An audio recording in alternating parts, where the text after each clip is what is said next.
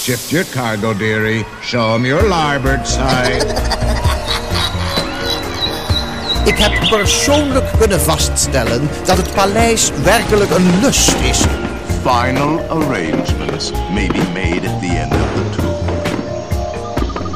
Het is weer ochtend in Pretparkland. Goedemorgen pretparkland en welkom bij je ochtendelijke pretparkpodcast.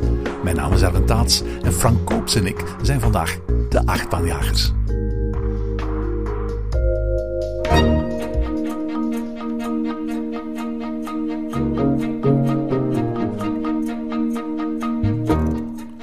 Achtbaanjagers gaan we regelmatig op zoek naar bekende en minder bekende achtbanen in binnen- en buitenland. De Amerikaanse achtbaan waar we het vandaag over hebben is 1540 meter lang, 20 meter hoog en heeft een topsnelheid van 80 km per uur. De baan gaat niet over de kop, maar heeft wel zeven lanceringen, een rollback en een droptrack en werd gebouwd door Intamin.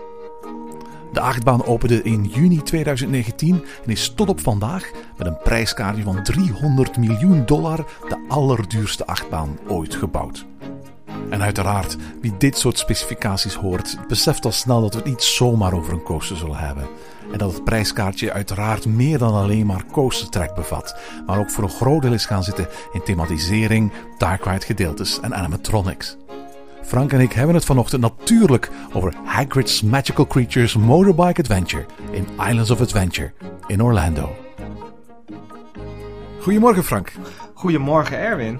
Zeg Frank, zoals onze luisteraars daar net al in de inleiding hebben gehoord, gaan we het vandaag hebben over een coaster die ongeveer even lang duurt om uit te spreken als om te bereiden. Ik ben zelf nog niet in Islands of Adventures geweest sinds Hagrid's Magical Creatures Motorbike Adventure geopend is, maar jij wel hè? Ja, dat klopt. Ik heb de eer gehad om in Hagrid's Magical Creatures Motorbike Adventure te stappen in eh, november. Ja, laten we, laten we misschien voor, de, voor het gemak voor de rest van de podcast het gewoon hebben over Hagrid's Coaster of zoiets. Of Hagrid's Motorbike Adventure, want anders uh, wordt het wel heel lastig, hè? Ja, het is een vreselijke naam. Ik heb die naam ook pas voor deze opname uit mijn hoofd geleerd. Daarvoor was het altijd Hagrid's Coaster of The Magical Creatures Adventure, maar nooit die volledige naam. Je vraagt je eigenlijk af waarom vooral Amerikaanse parken altijd die noodzaak hebben om van die enorm lange namen en vaak dan nog eens met subtitels te bedenken voor hun attracties. Hè? Ik begrijp het echt niet, want de laatste jaren. Ik denk echt dat het een hype is van de laatste jaren. Want de ombouw van de Tower of Terror in Californië heeft een bizarre naam gekregen. Deze achtbaan heeft een bizarre naam gekregen. En volgens mij kun je zo nog legio voorbeelden noemen. Ik hoop dat we er snel weer mee op gaan houden, want ik word er helemaal gek van.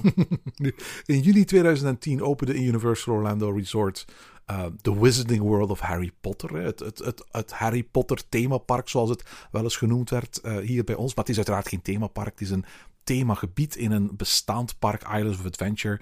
Uh, en dat was het eerste themagebied van Harry Potter ter wereld. Er zijn er ondertussen al verschillende over de hele wereld intussen. Maar het, het gebied in, in, in Universal Orlando was het eerste. En tot op vandaag ook het grootste van, van allemaal, met het meeste aantal attracties. Het is geen uitbreiding geweest van het park, maar het kwam eigenlijk grotendeels op een plek die vroeger bekend stond als de Lost Continent. En waar er eigenlijk nog een klein stuk van overgebleven is. Uh, maar dat was een themagedeelte van Islands of Adventures dat, dat niet gethematiseerd was naar een of andere bekende film. Er stonden op dat moment drie achtbanen. De, aan de ene kant de Flying Unicorn, en dat was een Vekoma Junior coaster. Denk maar aan bijvoorbeeld die K3 roller skater in Plopsaland. En er stonden ook de Dueling Dragons, en het waren twee duelleerde inverted achtbanen van B&M. En op dat moment was, Harry Potter zo'n beetje de, de, de, de, grootste franchise die maar kon bedenken. En na wat gewedijver met Disney is, is, is Universal het bedrijf geweest dat die, die pretparkrechten heeft verworven. En sindsdien hebben ze er goud mee gesponnen. Hè? Ja, dat klopt. Je kan wel zeggen dat ze er heel goed op verdienen volgens mij. Want het, het gebied betreden is niet genoeg. Als je het gebied echt wil ervaren, moet je een toverstok kopen. En, en daarmee eigenlijk op avontuur, hè? Ja, absoluut. En intussen hebben parken als de Efteling en Toverland dit gretig zien overnemen, maar op jaarbasis. Uh, verkopen de Efteling en Toverland samen ongetwijfeld niet eens zoveel magische twinkeltoortsen en magische toverstaffen als Universal op één dag. Hè? Want ongetwijfeld heb jij ook 9 dollar neergeteld voor een plastic bekertje met butterbeer. Ja, absoluut. Sterker nog, uh, ik ben speciaal in het winterseizoen gegaan, omdat je dan warme butterbier kan kopen, wat volgens iedereen de beste variant is. En hoe was dat? Want dat heb ik nog nooit gedronken, hè? Nee, ik heb ook alleen die gedronken, want ik vond het heel duur. Ik vond het erg lekker, erg zoet. En uh, de schuimlaag die er bovenop ligt, heb ik eigenlijk nog nooit zo geproefd. Ik heb er echt van genoten. Heb jij het ook gehad? Ik, niet de wintervariant, maar, maar ik heb het wel een aantal keer gedronken in de, in de zomer. Een keer als uh, gewoon butterbeer en dan er is ook een frozen variant, een soort van slushy. Het is, het is ontzettend lekker, maar het is zo zoet dat je bijna bij wijze van spreken na je slok onmiddellijk weer dorst krijgt naar iets anders. Dat herken ik wel, ja. Nu, net zoals Galaxy's Edge, hè, dus het Star Wars themagebied in Disneyland en Disney World gebouwd werd in een specifiek moment binnen dat Star Wars universum, namelijk tussen het einde van The Last Jedi en het begin van Rise of the Skywalker is het eigenlijk ook zo dat Hogsmeade zich afspeelde op een heel specifiek moment in de Potterverse, zoals het universum van Harry Potter genoemd wordt. Namelijk aan het einde van het vierde boek of film in de serie uh, Harry Potter and the Goblet of Fire. En op dat moment vindt in, in Hogwarts de Triwizard Tournament plaats. Dat is, uh, in Nederlands heet dat geloof ik het, het toverschooltoernooi. Dat is een internationale wedstrijd tussen drie toverscholen, namelijk Hogwarts uit Engeland, Beaubaton uit Frankrijk en Doomstrang uit Roemenië. Het is een oude traditie, die Triwizard Tournament uit The Wizarding World. Die, die voor de gelegenheid in dat boek voor één keer werd teruggebracht. Maar gezien de noodlottige afloop wellicht niet snel meer opnieuw zal worden georganiseerd daar. Nee, ik kan me niet voorstellen dat ze dat snel weer gaan doen inderdaad. nu, de Vekoma-achtbaan, die er dus al stond, werd geherthematiseerd voor Harry Potter naar Flight of the Hippogriff. En dat werd een soort toestel waarmee Hagrid, de sleutelbewaarder en de jachtopziener van Hogsmeade, en eigenlijk ook het hoofdpersonage voor deze nieuwe coaster, waar we het straks over zullen hebben, je leert hoe je een hippogrief kunt bedwingen aan de hand van een rieten replica van zo'n fabeldier. Een, een hippogrief is een wezen met de kop van een arend en het lichaam van een paard, geloof ik. En uh, hippogrieven, dat zijn trotse wezens. Je wil ze niet beledigen, want dat zou wel eens het laatste kunnen zijn dat je doet. En tijdens de attractie kom je dus Buckbeak tegen. Dat is de hippogrief uit, uit Harry Potter en The Prisoner of Azkaban. En Hagrid leert je te wachten tot Buckbeak een buiging maakt. En pas dan mag je zelf een buiging maken naar de werkelijk sublieme animatronic daar. En dat wordt allemaal begeleid door de geweldige muziek van Buckbeak's Flight van John Williams. En die Amerikanen die gaan er ook helemaal op in. En die groeten ook allemaal heel plechtig Buckbeak. Terwijl ze in hun karretje naar boven worden gehezen. Dat zijn van die dingen die in Amerika wel werken en in Europa nooit een succes zouden worden. Denk je ook niet? ik denk het ook. En ik geloof dat dit ook al vooruitgrijpt naar iets waar we het straks bij, bij de Motorbike Adventure zullen over hebben. Hè? Ja, absoluut. Maar dat komt later. Um, daarnaast waren er dus ook twee duelleerde BM's. Uh, oorspronkelijk in de Lost Continent heette die de Dueling Dragons. En die werden toen, toen het themagebied omgevormd werd naar Hogsmeade de Dragons Challenge genoemd.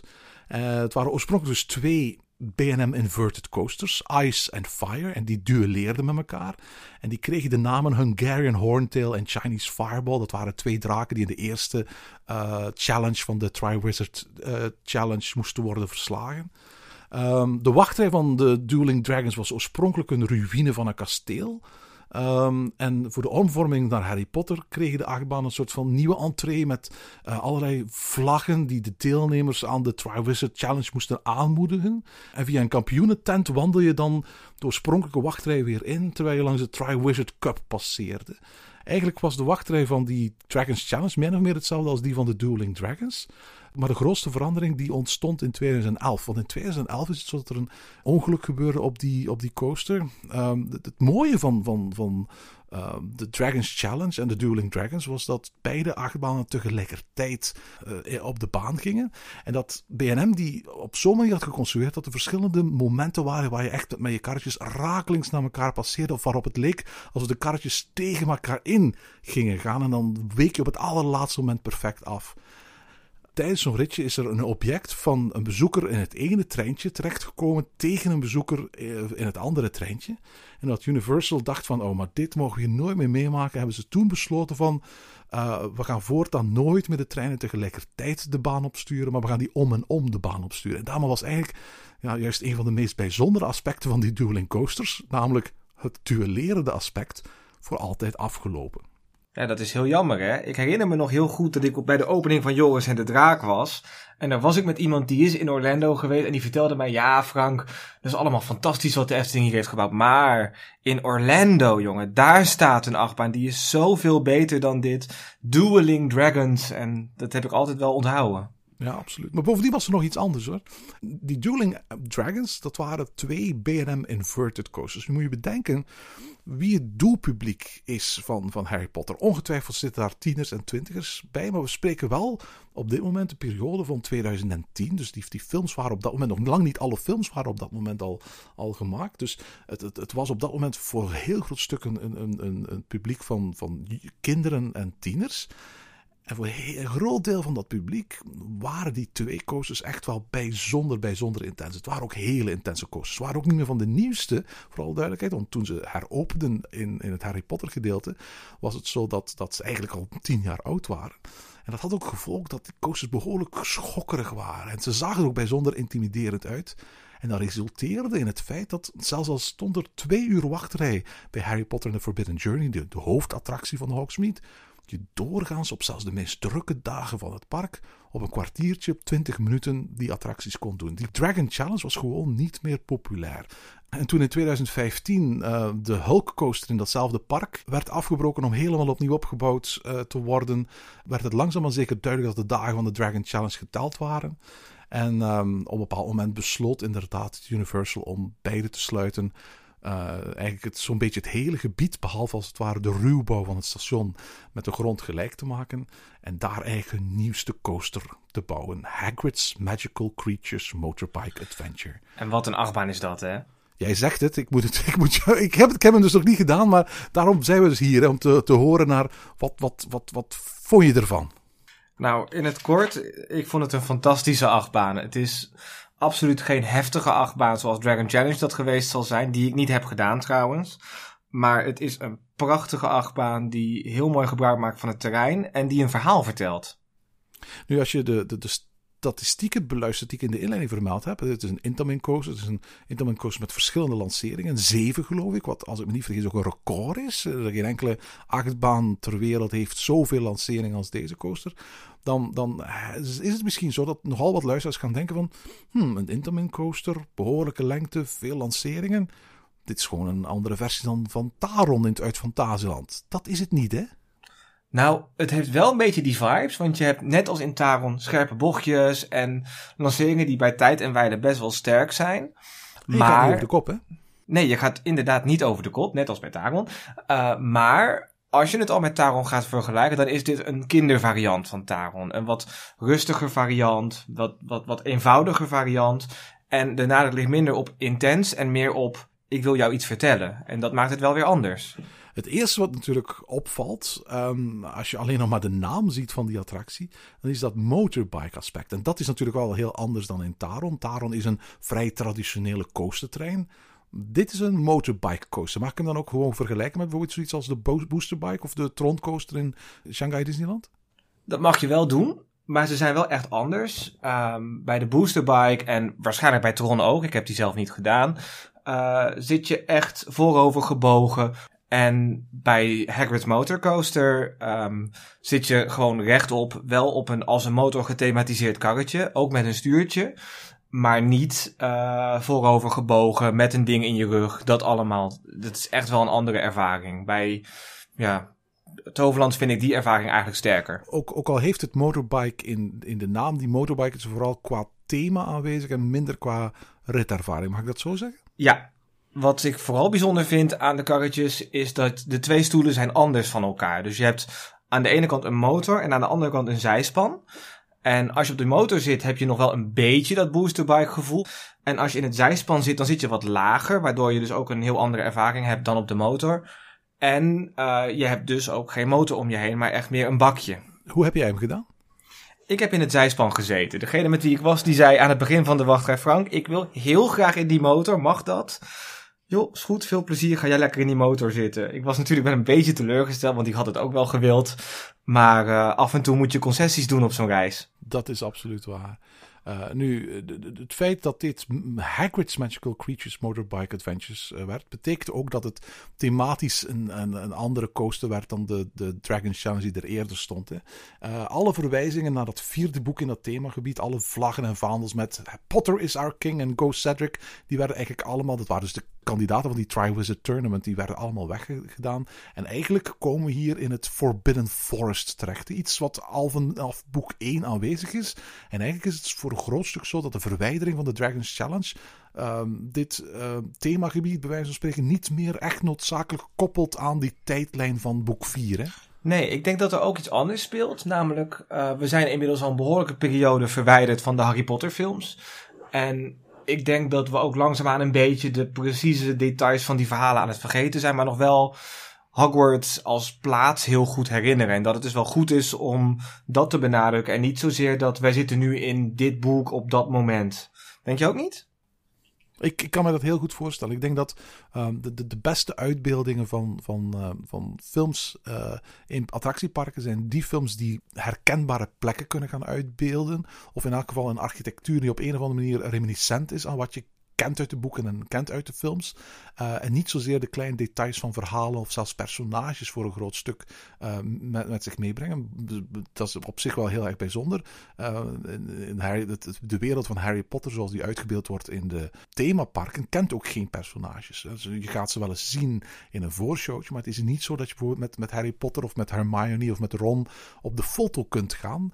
Uh, al de enige personages die deze wereld bevolken zijn, zijn personeelsleden van de winkels, zijn, zijn een stationschef of een conducteur van een trein. Maar dat zijn geen figuren die letterlijk verwijzen naar bekende figuren uit de boeken of uit de films.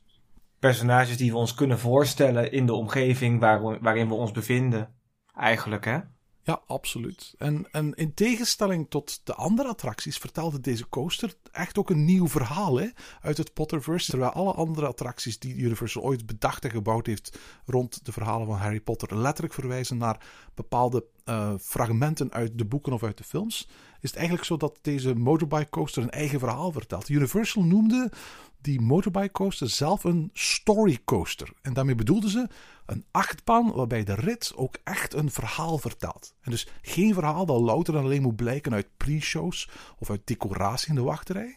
Um, want dat is natuurlijk iets wat je heel vaak hebt. Er zijn natuurlijk nog andere achtbanen die we kennen, die op een of andere manier een verhaal vertellen of waar een verhaal aan vasthangt. Maar dat is in heel veel gevallen iets wat om de achtbaan heen is gebouwd. Maar als je eenmaal in de coaster zit, dan wordt het gewoon een coaster en verdwijnt het verhaal helemaal naar de achtergrond. Bij Baron 1898 is dat bijvoorbeeld het geval. Hè? Daar is heel veel thema en een verhaal dat je door de omgeving, door de vormgeving, de pre-shows meekrijgt. Maar eens je voorbij die drop bent, is het gewoon een achtbaan van BNM. En dan verdwijnt het verhaal totaal. Er is zelfs niet de minste afronding of conclusie. En Universal wilde hier dat het verhaal ook tijdens de rit verder zou gaan. En, en wilde het ook afronden achteraf. Vandaar het concept van story coaster. Zijn ze daarin geslaagd? Absoluut. Het is een heel rond verhaal. Waarin je ook van begin tot einde duidelijk is in welk deel van het verhaal je zit. En uh, er wordt ook heel goed opgebouwd naar die finale toe. Al vind ik de finale zelf iets wat flauw. Misschien moet je ons eens meenemen in het verhaal, uh, Frank. En vertellen wat we van, van begin tot einde in de attractie allemaal te zien krijgen. Nou, dat lijkt me heel leuk om te doen. De attractie begint bij een hele mooie poort. Het verboden bos in, de Forbidden Forest in. En daar staat over het algemeen een uh, nummertje bij wat je wachttijd is. Nou, meestal is het een telefoonnummer. Um, in mijn geval viel dat gelukkig wel mee. Hoe lang heb je moeten wachten? Ik heb 40 minuten gewacht. Ik denk dat veel mensen jaloers op je, op je zijn. Ik, ik heb letterlijk screenshots gemaakt van de app afgelopen zomer. waar wachtrijen van 400 of 500 minuten stonden. Ik heb uh, heel veel parodieën van andere Amerikaanse parken gezien die zeiden: Kom naar ons, wij hebben ook een familie-achtbaan en daar kun je gelijk instappen. en ik vond dat heel grappig. Ja, nee, maar dat is toch wel zo. Hè? Ik bedoel, de attractie uh, is geopend op 13 juni, uh, maar had ontzettend veel technische problemen. Want vooral duidelijkheid, de wachtrijen die hadden enerzijds te maken met het feit dat het thema en de attractie heel populair was en dat er heel veel mensen in wilden. Maar er waren ook nog twee andere aspecten, namelijk dat de attractie ontzettend vaak in storing viel en dat de attractie ook lang niet de volledige openingsdag open bleef. Nee, het is een erg technisch uh, hoogstaande achtbaan.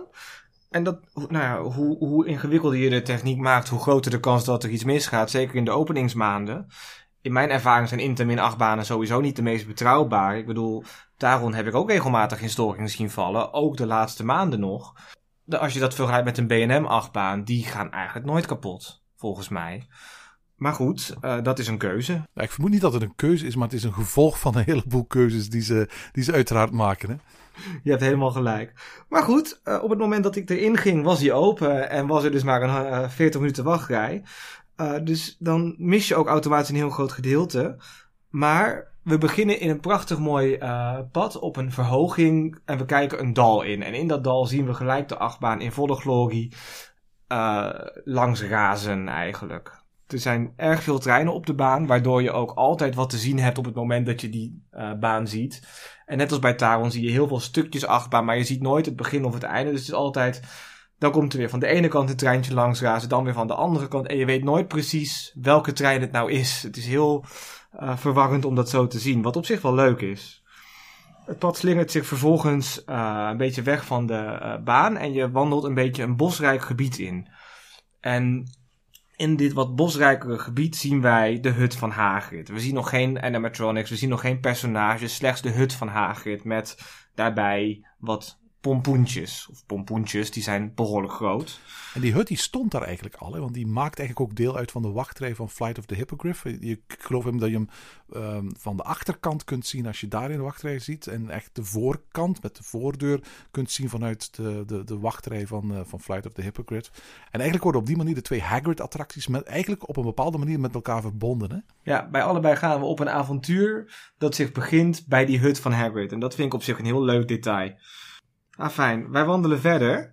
En terwijl de beplanting dichter wordt, we wandelen nu echt een bosgebied in, zien we op de horizon ruïnes eh, opsteken. En ik heb begrepen dat die ruïnes er al stonden, hè? Die ken jij. wel in elk geval de fundering en de basis van het gebouw en ook de uiteraard exacte locatie, die, die, dat is dezelfde als de, de, het oude wachtrijgebouw van zowel ehm, Dragons Challenge als de Dueling Dragons.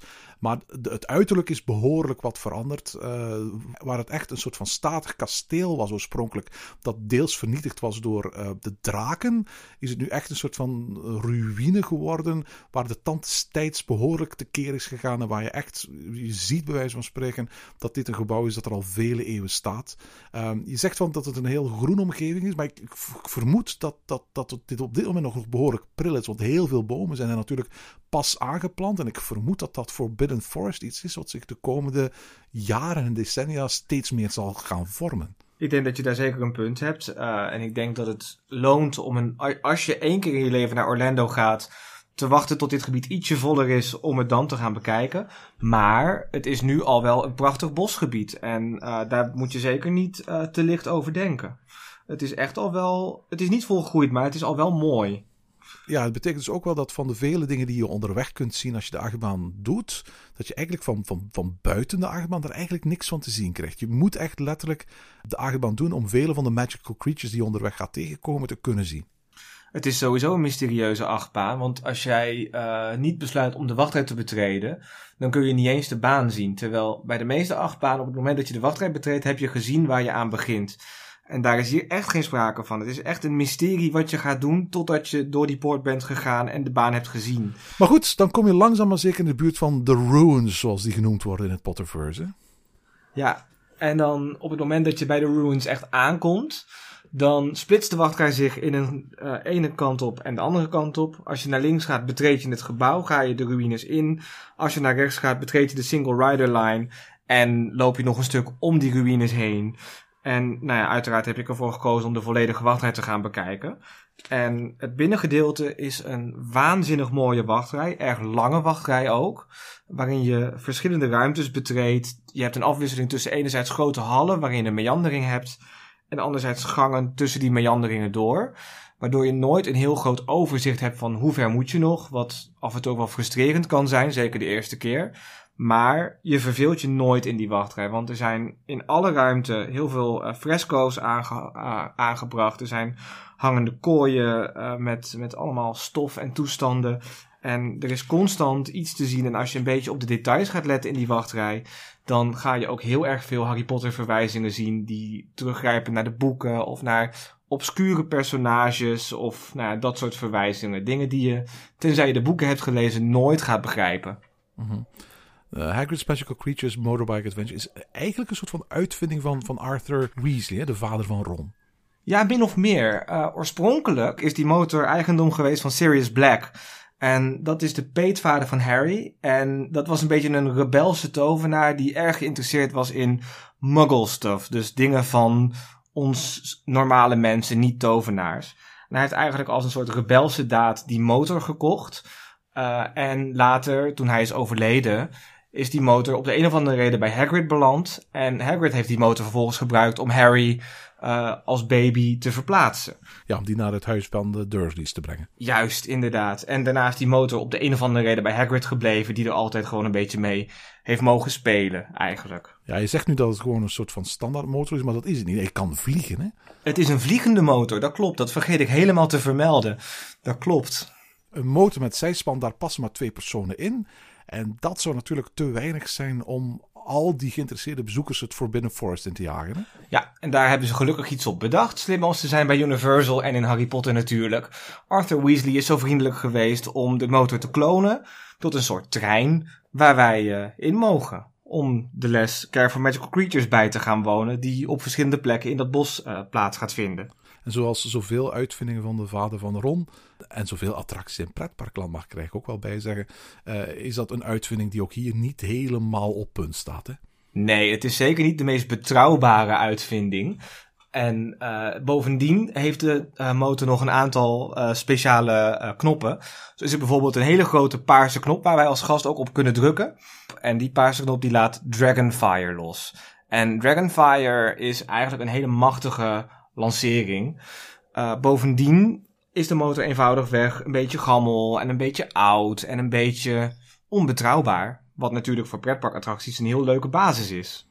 Absoluut. En het toffe van, het, van dat aspect, dat je zegt nu gammel en, en een beetje oud, is dat past ook een beetje bij het, het wat ruwe karakter van Hagrid zelf. Hè? Want we hebben het nog niet over Hagrid gehad. Uh, Hagrid, dat is, dat, is een, dat is een reus van een man. Behalve het feit dat hij zo, zo, zo groot en imposant uitziet, is het ook zo dat hij ja, toch altijd een beetje slordig is, een beetje gehavend, niet al te goed gekleed. En dat eigenlijk ook, zijn huis niet altijd al te net is, bij wijze van spreken. In dat opzicht past die wat gehavende look en feel perfect bij die motorbike. Ja, nee, Hagrid is absoluut een beetje een ruwe, uitziende man, maar wel uh, volgens mij de aardigste man in heel de Harry Potter boeken.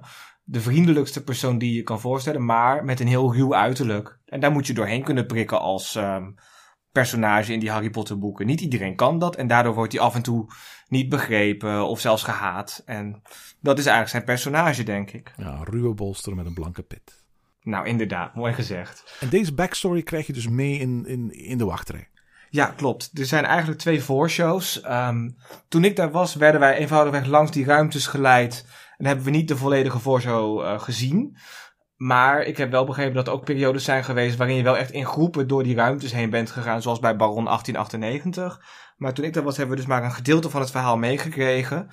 En de tweede ruimte is eigenlijk de allerlaatste ruimte voordat je instapt. En hier krijg je um, door middel van uh, audio uh, instapinstructies te horen over hoe je moet instappen. Dat je je beugeltje dicht moet doen. Dat je ten alle tijde je handen binnen het voertuig moet houden, et cetera. Het gebruikelijke pretparkverhaal eigenlijk. Zeg, mag je eigenlijk kiezen waar je neer gaat zitten in de coaster? Min of meer. Uh, op het moment dat je door de wachtrij loopt, um, is er op een gegeven moment een medewerker.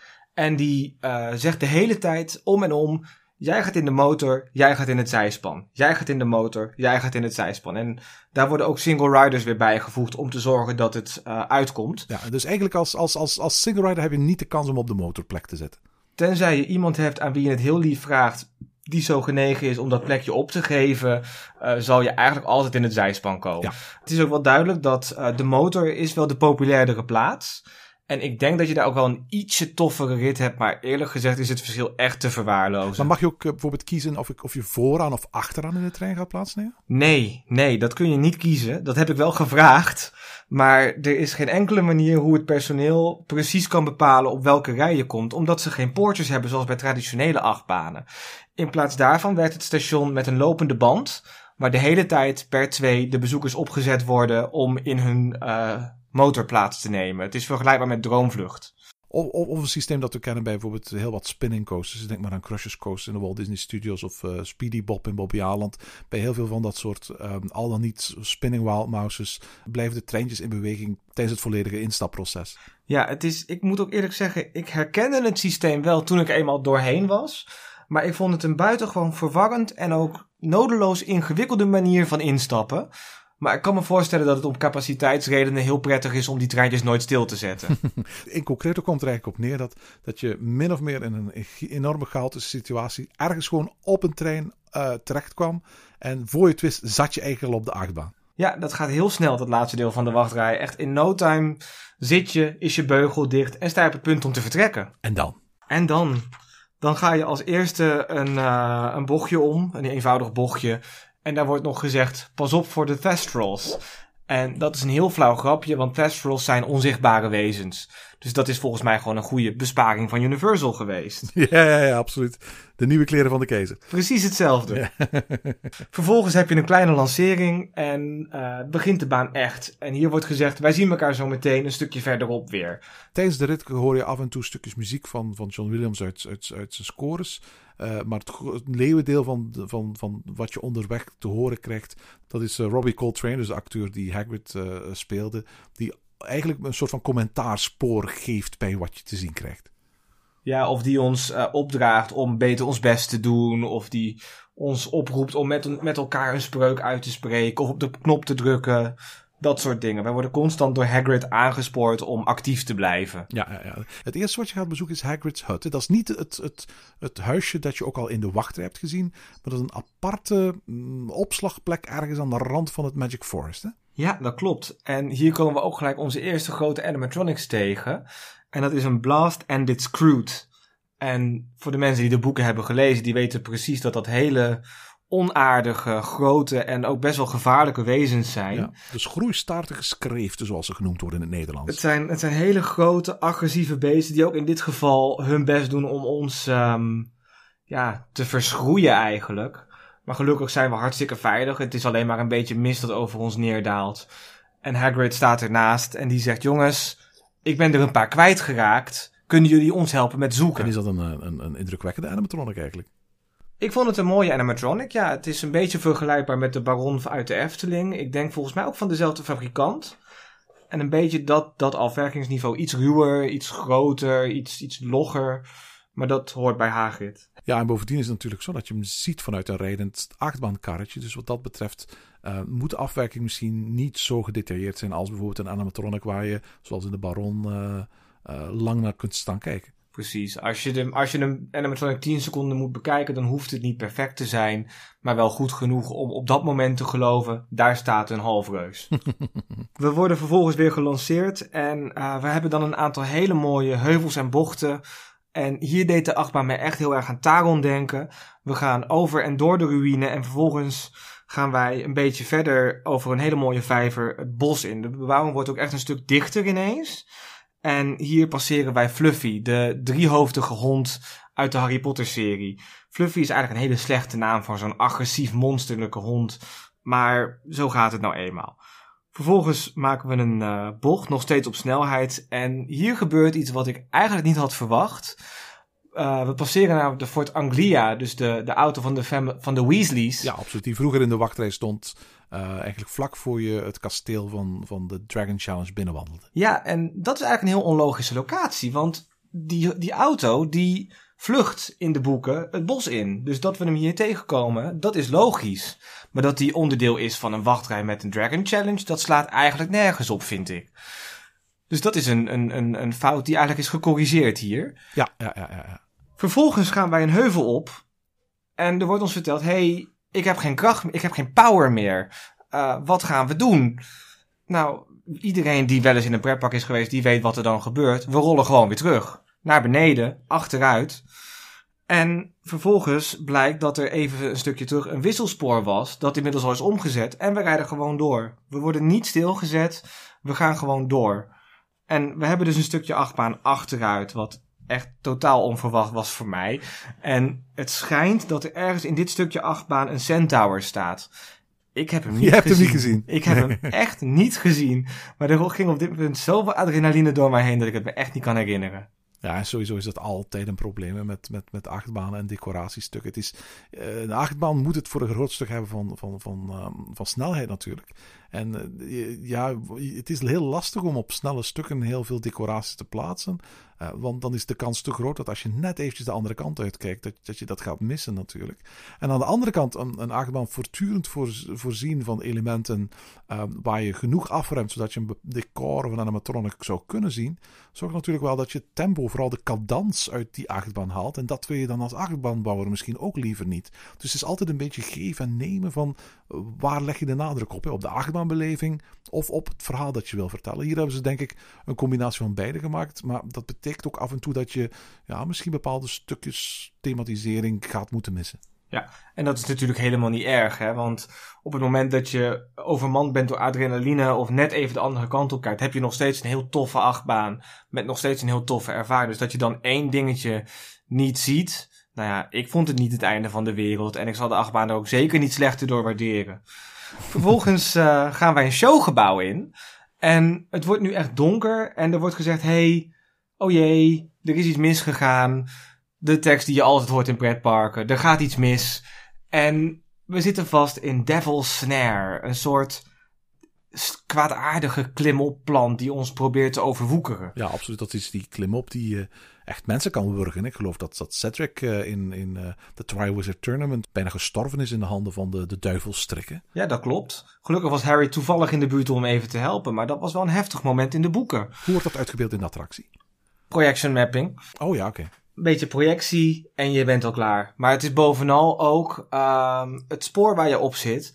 Dat wiegt een klein beetje op en neer. Dus je voelt jezelf naar beneden zakken, heel klein beetje, alsof je inderdaad verwikkeld raakt in die plant. Ondertussen heb je Hagrid die zegt wat er gebeurt en die roept ons op: wij moeten nu met z'n allen een toverspreuk uitspreken. Lumos Solem. Ja, want Lumos Solem wil zoveel zeggen als het licht van de zon. En als ik me niet vergis, is het zo dat, dat duivelstrik niet tegen zonlicht kan, hè? Dat klopt. Duivelstrik is een plant die alleen maar kan gedijen op schaduwrijke plekken of in het donker. Zoals een donkere hut waar wij nu toevallig zitten. En het toffe is, dat, je zei het net al, je bent in Amerika, dus als Amerikanen in een attractie de opdracht krijgen van ga nu eens met z'n allen samen Lumos Solem roepen, dan doen ze dat ongetwijfeld ook. Hè? Ja, Amerikanen die vinden dat prachtig en die zitten al de hele rit zo lijkt het te wachten op het moment dat ze met elkaar iets mogen roepen. dus als één man roept die hele trein, nou ja, min dan mij en degene met wie ik was, Lumos Solem. En ja hoor, daar ga je, zes meter of zo naar beneden donder je in een vrije val. Ja, het is een droptrack, hè? Ja. klopt, het is een droptrack. Eigenlijk correct zou moeten zijn, het is een van de twee droptracks in de attractie, zeker? Hè? Dat klopt, ja. Het is een heel bijzondere droptrack. Vlak voordat je daarop gaat, heb je nog een wissel waarbij je de ene kant op gaat of de andere. En die twee die doen precies hetzelfde, zijn volledig synchroon van elkaar. En ik denk dat dat gewoon dubbel is uitgevoerd om capaciteitsredenen. Of vanwege de storingsgevoeligheid van zo'n uh, spoor. Ja, ja, want op die manier kun je er inderdaad voor zorgen dat als er op de een of andere reden één droptrack uit zou liggen, dat je bij wijze van spreken nog altijd tegen beperkte capaciteit de attractie verder kunt laten draaien. En werken ze alle twee, dan kun je er ook voor zorgen dat de capaciteit net iets hoger ligt. Ah, fijn. Wij donderen naar beneden en wij komen in een soort donkere kelder terecht. En daar ligt onmiddellijk van alles en nog wat op. En Hagrid die zegt, oh, wat goed jongens, jullie hebben de andere Blast and the Scroots gevonden. En als je dan om je heen kijkt, dan zie je overal van die uh, Blast and It Screwed die zich aan het voorbereiden zijn om ons geheel uh, nou ja, te roosteren als een boterhammetje. Waar wij natuurlijk geen zin in hebben. Dus zegt Hagrid, druk maar gewoon op die grote paarse knop. Dan komt de Dragonfire los. En dan blaas ik jullie zo terug naar de les. Dus nou, wederom als één man drukt die hele trein op die paarse knop. Het leuke is ook dat er dan een klein geluidseffectje ontstaat als je op die knop drukt. Dus er gebeurt echt iets. En vervolgens word je gelanceerd en heb je nog een paar prachtige uh, bochten waar je op grote snelheid doorheen komt. En dan is de achtbaan klaar, je schiet de remmen in en de rit is bijna afgelopen. Maar dan zegt Hagrid, oh jongens, het is ons gelukt. Jullie, hebben, jullie waren zulke goede leerlingen. Kijk eens wat ik heb gevonden. Een unicorn. Komen er unicorns voor in het Harry Potter universe? Ja, ze spelen een heel klein rolletje in het eerste boek. Verder heb ik ze volgens mij nooit eh, ergens gezien, maar een unicorn is niet het meest geweldige fabeldier wat je je kan voorstellen, toch? Nee, het, het is ook één dat, dat, dat, dat, dat echt bij wijze van spreken ook een eigen soort meme-status heeft gekregen de afgelopen jaren. En dat ook te pas en te onpas in allerlei eh, andere IP-dingen voorkomt. Hè? Onlangs nog in Onward van Pixar. Hè? Nee, dat klopt inderdaad. En in Onward waren het niet de meest majestueuze dieren. nee, inderdaad. Maar ik kan me wel voorstellen, mocht, mocht Onward een, een groter succes geweest zijn dan, dan wat het uiteindelijk was. Uh, en dat had uiteraard ook met andere omstandigheden te maken dan puur de, de, de film zelf. Uh, dan, dan had Disney daar misschien een franchise gehad waar unicorns een veel grotere rol in speelden dan bij Harry Potter het geval was.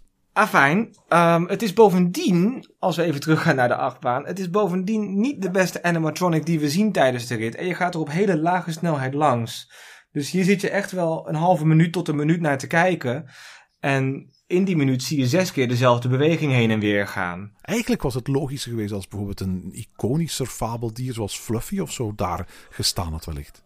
Uh, maar ik zou ook niet zo goed weten wat voor ander dier je daar zou neer kunnen zetten. Wat een beetje enigszins schattig en majestueus is, maar ook wel cool. Ik zat misschien een phoenix of zo, maar nou, dat is ook weer een beetje afgezaagd, hè? Ja, los daarvan is ook de, de phoenix zoals hij uitgebeeld is in, in, Harry Potter ook maar een klein diertje natuurlijk. Hè. Dus in dat opzicht, uh, misschien hadden ze daar, ik zeg maar iets, zo'n zo'n Hungarian Horntail of een Chinese Fireball draak kunnen, kunnen plaatsen. Dat was meteen ook nog een keer een, een verwijzing geweest naar, naar, naar de, de Dragon's Challenge. Hè. Aan de andere kant trouwens, het is niet alsof je daar heel veel ruimte hebt. Want je zit nog wel in het achtbaangedeelte. Je zit ook redelijk dicht op de wachtrij. En je hebt al het gebouw waar het station zit naast je. Dus ik zou het heel vet vinden om daar een mooie, grote, vuurspuwende draken animatronic te zien. Maar misschien was het gewoon niet mogelijk. Uh... Aan de andere kant, het, een, een wat mooiere animatronic zou ik wel hebben gewaardeerd op dit punt. Maar goed, dat is muggenzifterij.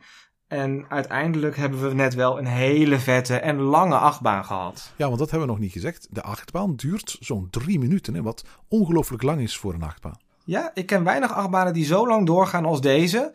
En bovendien is het ook een achtbaan die uh, vrij veel energie blijft houden. Doordat hij natuurlijk zo vaak lanceert, blijf je constant op snelheid. Behalve voor de delen waar je tot stilstand wordt gebracht of even langzaam gaat. Dan is er ook weer echt iets te zien. Maar in tegenstelling tot heel veel achtbanen heeft deze achtbaan geen punt waarvan ik zeg dat is het saaie deel van de achtbaan. Ja, ik vind het ook wel uh, heel bijzonder dat je zegt van dat het een achtbaan is die, die op een of andere manier toch het gevoel heeft om voortdurend zijn energie te blijven behouden.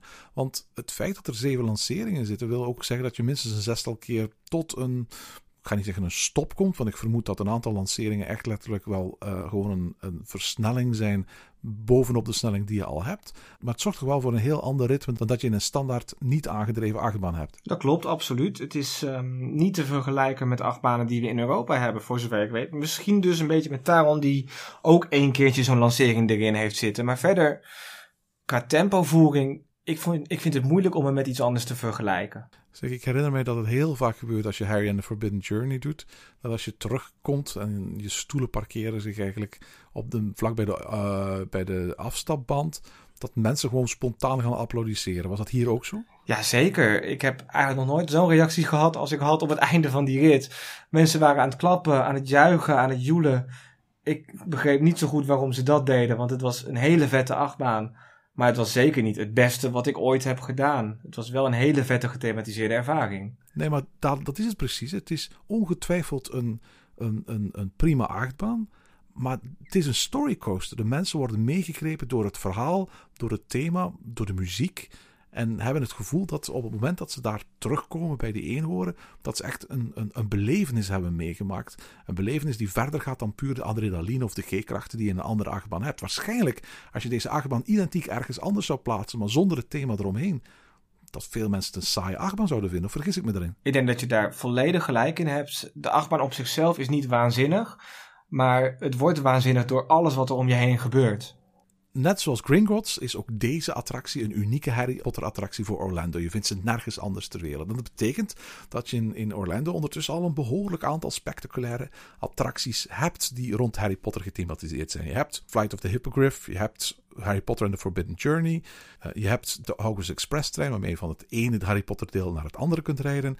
Je hebt Gringotts En je hebt nu ook Hagrid's Magical Creatures Motorbike Adventure. Als ik je zou vragen om die te raten, en dan laten we eventjes Flight of the Hippogriff, want dat is uiteindelijk maar zo'n Vekoma Junior coaster, gemakshalve weg. Hoe zou je deze motorbike coaster raten ten opzichte van, an- van de andere grote drie attracties daar?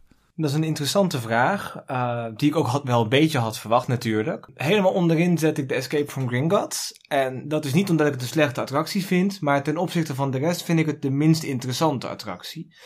Dan op drie zet ik de Hogwarts Express. Eh, ook daarvoor geldt, ik vind het een hele toffe uitvoering.